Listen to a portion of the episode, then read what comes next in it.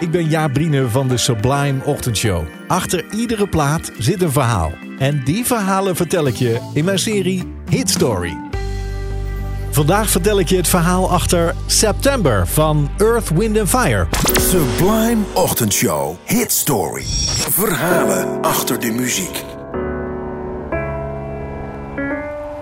Het is september 1978 en de mannen van Earth, Wind and Fire zijn lekker bezig. Wereldberoemd zijn ze na een hele reeks aan grote hits.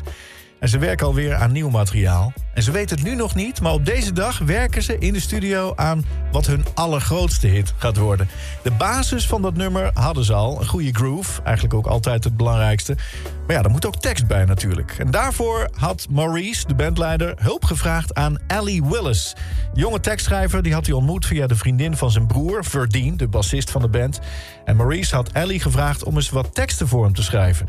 Spirituele teksten, dat was wel een belangrijke voorwaarde. Had Ellie ook wat huiswerk meegegeven? Een hele stapel spirituele en filosofische boeken om inspiratie op te doen. Nou, en dat werkt, want deze dag wandelt die Ellie de studio binnen met onder haar arm wel 30 bladzijden vol met liedteksten, losse flarden.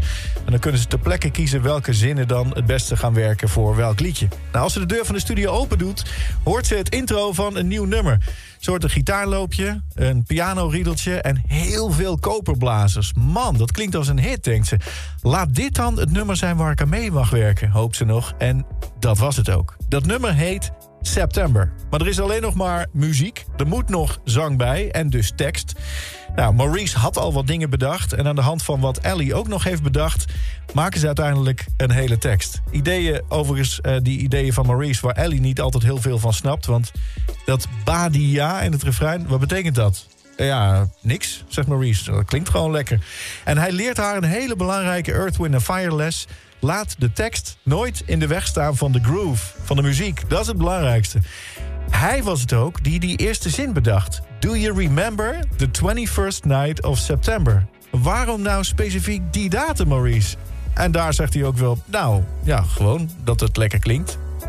Maar dat was dus niet zo, in het geval van die datum. Want jaren later, in 2018, twee jaar na de dood van Maurice White... zou Ellie uiteindelijk de ware reden horen van die datum. En dat zou ze horen van de weduwe van Maurice, Marilyn. Die vertelde haar namelijk dat toen Maurice die tekst schreef in 1978... zij zwanger was. En ze was uitgerekend op de 21ste september. Het was een kleine verborgen boodschap... waar die kleine zich overigens niet aan hield... want die werd al een paar weken eerder geboren. Maar dankzij de groove van de muzikanten... en dankzij de teksten van Ellie en Maurice... ontstond de grootste hit van Earth, Wind Fire... September.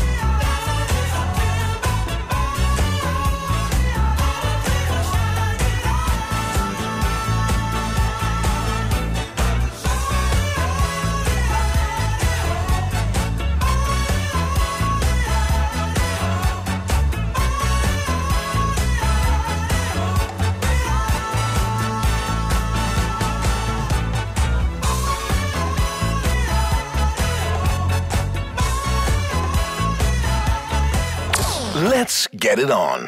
Sublime.